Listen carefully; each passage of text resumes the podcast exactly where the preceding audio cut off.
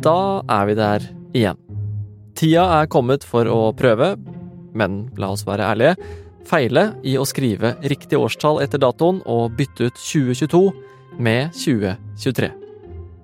Vi er ferdige med enda et år som ikke ble et helt sånn greit, avslappende, vanlig år, men fullt av dramatiske hendelser og ting vi må forholde oss til også inn i dette nye året.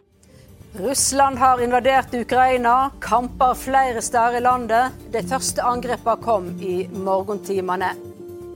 Buckingham Palace has announced the death of Her Majesty Queen Elizabeth II. Jeg har ikke tenkt å se et eneste sekund av det mesterskapet. Etter dette frifinnes Viggo Kristiansen. 30 av jordens land, kyst og havområder skal bevares innen 2030. 2022 er preget av særlig tre store saker. Krigen i Ukraina, noen store rettsskandaler i Norge, og så har det skjedd noe med folks økonomi. Men nå er det 2023, og vi skal se fremover. I årets første episode av Forklart har vi med oss Aftenpostens sjefredaktør Trine Eilertsen for å snakke om hva vi kan vente oss av 2023. Det er mandag 2. januar 2023, og jeg heter David Vekoni. Trine, flere saker fra det året vi akkurat har gått ut av, kommer jo til å prege 2023 også. Hvis vi starter her hjemme, hva var det som gjorde mest inntrykk på deg? Altså for meg personlig så er det nok den gjenopptagelsen og frifinnelsen av Viggo Kristiansen i Baneheia-saken som har gjort desidert største inntrykk på meg. Jeg har tenkt masse på det. Jeg har tenkt masse på hva hele rettsvesenet, hvor de har sviktet, hvor vi i mediene har sviktet.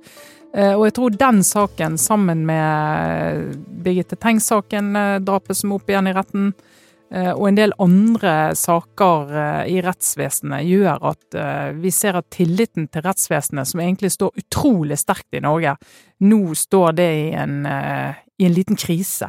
Som vi er nødt til å komme ut av på rett side, for det er så dypt, dypt alvorlig for enkeltmennesker. Ja, hvordan tror du den saken kommer til å prege oss i året som kommer? Den saken er nødt til å prege oss i året som kommer, fordi vi er nødt til å jobbe på flere fronter og gjenopprette den tilliten. Så rettsvesenet sjøl er nødt til å sørge for at Viggo Kristiansen får en erstatning som det står respekt av.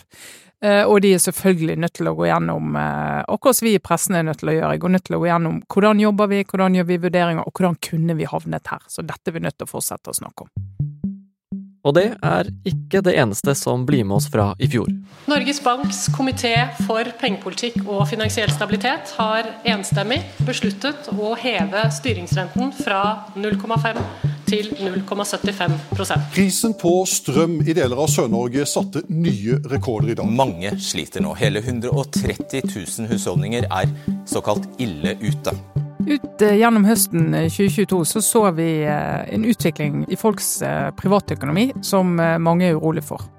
Vi ser antydninger til nyfattigdom. Og nyfattigdom det betyr at nye grupper som vanligvis klarer seg helt fint med den inntekten de har, klarer å ha huset sitt, klarer å fø familien sin, klarer å være med på fritidsaktiviteter og alt det som vi regner som et helt vanlig norsk liv, begynner å slite. Grunnen til det er sammensatt. Det ene er at prisene har økt voldsomt på mat, bensin, alt det som vi bruker i hverdagen vår. I tillegg til en voldsom prisøkning på energi, strøm rett og slett, som vi varmer opp hjemmene våre med. I tillegg så har renten gått opp, og det går også rett inn i folks privatøkonomi. Alle vi som har huslån merker det, og den effekten kommer til å bli sterkere utover 2023. De fleste av oss kommer til å merke det på lommeboka, rett og slett. Alle kommer til å merke det. Jeg vil tro de aller fleste har merket det allerede. Og dette temaet her, selv om det er et kommunevalg som vi skal ha til høsten, og ikke et stortingsvalg, så kommer det til å være et stort tema, for det kommer til å være så viktig for folks hverdag i hele Norge. Ja, for det er også valg i år. Og som Trine sier, så er det ikke stortingsrepresentantene vi skal velge denne høsten, men lokalpolitikerne. Likevel kan resultatet gi en pekepinn på hvordan neste stortingsvalg vil gå. Og motsatt setter også det som skjer nasjonalt, sitt preg på kommunevalget. Ja, Bakteppet for valget er at vi har to regjeringspartier som sliter veldig. De blir naturligvis ansvarliggjort for den økonomien som folk kjenner på kroppen nå. Det er sterke forventninger til at de skal kunne gi svar, gi løsninger. Eh, og vi ser at de har falt voldsomt på målingene. Det gjør at uh, flere hundre ordførere fra Senterpartiet og Arbeiderpartiet uh, rundt i Norge nå sitter og lurer på om de skal miste jobben til høsten. Fordi at Selv om dette er en lokalvalgkamp og det er lokale saker som teller, så vet vi at det som skjer nasjonalt, det påvirker folks oppslutning, altså oppslutningen om partiene også lokalt. Så i verste fall for regjeringspartiene kan de miste mange, mange ordførere, kanskje opp i 200. Og det påvirker styrken inn mot stortingsvalget to år etter det igjen. Og blant de viktigste sakene blir jo denne nyfattigdommen, eller kall det den økonomiske krisen som mange enkeltpersoner kommer i. Og vi kommer òg til å se hvordan disse innstrammingene i budsjettet som ble vedtatt nå, på samferdsel og på en del store prosjekter, hvordan det påvirker valgkampen i kommunene, og rett og slett kommunenes økonomiske frihet til å løse oppgaver for sine innbyggere blir tema. Hvilke andre politiske saker eh, kommer til å bli viktig lokalt i Norge nå, da? For eksempel hvordan et strammere statsbudsjett påvirker store samferdselsprosjekter. Eh, du kan få diskusjon om bompenger. Eh, du kan få diskusjon om hvordan de kan gi god eldreomsorg, skole, typisk lokale saker, og hvordan disse strammere budsjettene som følge av krigen og alt det som vi står i, eh, kommer til å påvirke kommunene sitt rom for å løse problemer for innbyggerne sine. Og det er jo det viktigste i en lokal valgkamp. Så kommunevalg og lokalpolitikk kommer til å henge tett sammen med økonomi i året som kommer. Men det er ikke alt som vil få betydning for oss. Det er krig i Europa, Kina må snart velge retning, og i USA har presidentvalgkampen begynt.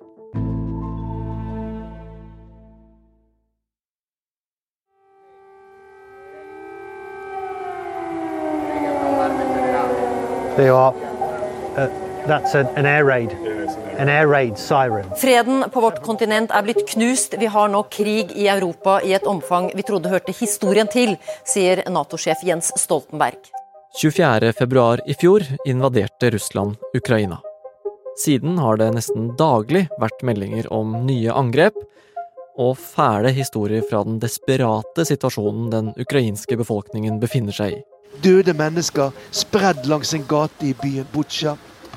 Det som er sikkert, er at de er skutt, trolig bakfra. Og på tross av at det gjennom hele krigen har blitt spekulert over hvor lenge Putin egentlig tåler å la krigen holde på, så har det foreløpig ikke roet seg. Denne krigen her, det er en sak på størrelse med at Berlinmuren falt, det er på størrelse med 11. september, altså det er på størrelse med at Lehman Brothers gikk konkurs og at finanskrisen begynte. Dette er en sak vi skal bære med oss i fem til ti år, eh, som et sånn konstant bakteppe og en viktig sak i den politiske diskusjonen i verden. Så det er en enormt stor sak som har grepet inn i nesten alle områder vi kan tenke oss. Én eh, ting er jo krigen i Ukraina, og vi får jo bare håpe at den eh, nærmer seg en eller annen form for slutt. Men uh, uansett hvordan den utvikler seg utover året, så kommer vi til å få noen konsekvenser av den. Ikke minst økonomisk, for verdensøkonomien, som kommer til å sitte i flere år.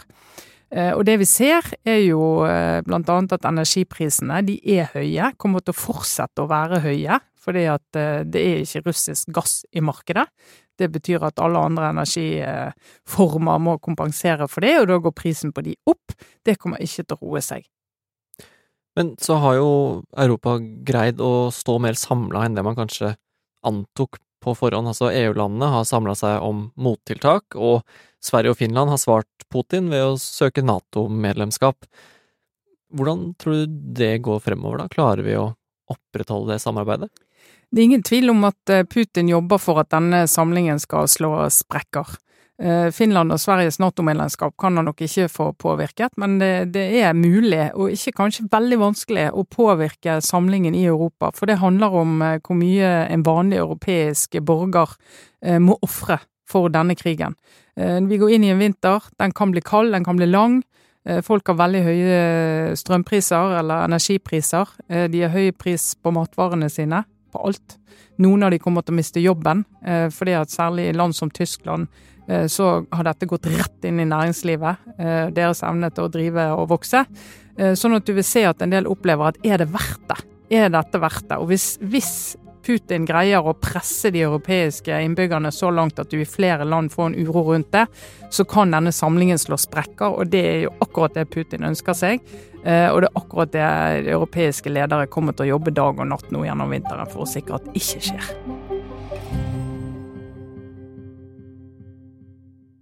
Men også utenfor Europa skjer det ting som vil prege nyhetene i år. Og det er så klart to stormakter som vil kunne sette sitt preg på hva vi snakker om i året som kommer. Kina og USA. Og retningen de velger. Det har skjedd mye spennende rundt Kina i 2022. Eh, da så vi et par ting. Det ene var at eh, Kina eh, valgte å ikke mene veldig hardt om det Russland gjorde i Ukraina. Kanskje ikke veldig overraskende, men mange av oss tror jeg har følt på til dagen denne ikke en allianse, men i hvert fall et slags fellesskap mellom de to landene, der Kina deler Russlands syn på at de må få lov å ordne opp i sine interne anliggender uten at noen blander seg i det. Og så blir det veldig spennende å se om dette holder, om Kina kan holde den posisjonen gjennom hele 2023. Det andre som har skjedd i Kina, er jo at du har sett eh, motstand mot covid-tiltakene. De har jo hatt de strengeste covid-tiltakene i verden lenge etter alle andre. Veldig, veldig harde tiltak.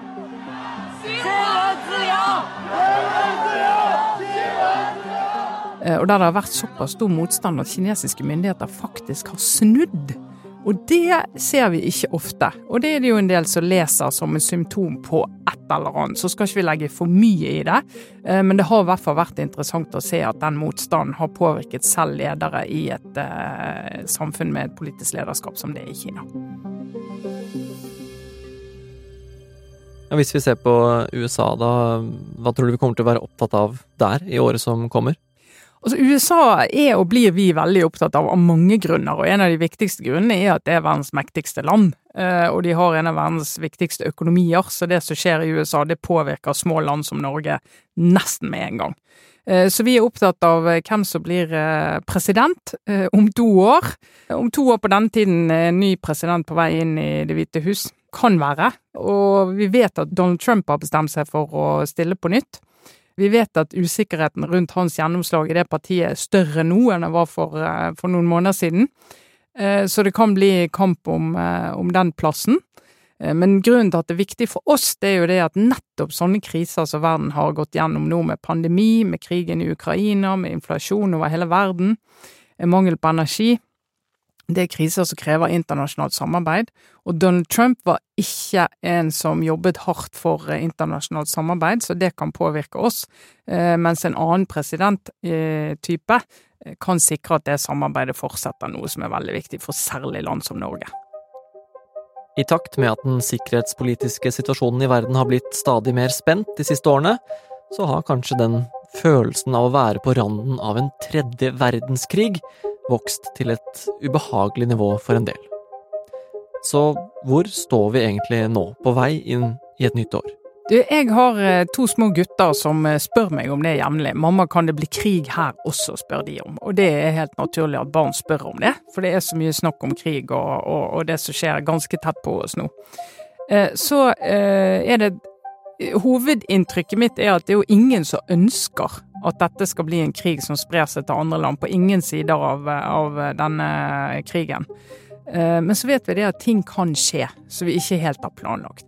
Det ene er at det kan skje et, eh, et uhell eller en misforståelse som gjør at eh, f.eks. strategiske atomvåpen blir brukt på begrenset område, men beskjeden det vil gi, er så alvorlig at da kan du virkelig få en eskalering av en krig som egentlig ingen ønsker seg. Eh, det andre som kan skje, er at i en del andre deler av verden så tenker noen at nei, under radaren her nå kan vi sette i gang et eller annet som vi har tenkt på å gjøre lenge overfor et naboland, eller, eller hva det måtte være. Eh, vi vet at eh, mange er bekymret for hva som kan skje med Taiwan, og de som analyserer dette, mener at Kina følger nøye med på Natos reaksjoner overfor eh, Russland nå i forbindelse med Ukraina, eh, og at det blir en del av deres vurdering. Men igjen så kan det, skje, det kan være nesten sånne små misforståelser av og til som utløser at ting eksploderer et eller annet sted, bokstavelig talt, eller eskalerer. Så tror jeg alle håper, og det tror jeg helt fra topps, fra en, oss vanlige folk i gaten til de viktigste generalene, at det ikke skjer. Så vi får håpe at alle har det i bakhodet, og i hvert fall unngå det. Eh, for det vil jo ikke gagne noen at det blir eh, mer konflikt. Trine, nå har det jo vært noen år hvor eh, alt ser ut til å bare gå dårligere, egentlig. Altså krig, økonomi, klima, pandemi. Kommer det til å begynne å peke oppover snart? Altså, har vi egentlig noe å glede oss til i 2023? Du vet, akkurat der vi er nå, med et sånt år som vi De årene vi har bak oss nå, så tenker jeg at uh, mange må gjøre sånn som meg. Du må gå nesten inn i de nære ting for å finne noe å glede deg til og glede deg over. Og akkurat nå så gleder jeg meg over at det ligger an til å bli faktisk ordentlig skiføre i vinter. Uh, og hvis det blir det, så blir jeg veldig, veldig glad. Skal jeg klamre meg til den lykken og gleden. Uh, og så ta litt pauser fra alt det som vi vet ikke går så bra, ved å kose meg ute i naturen.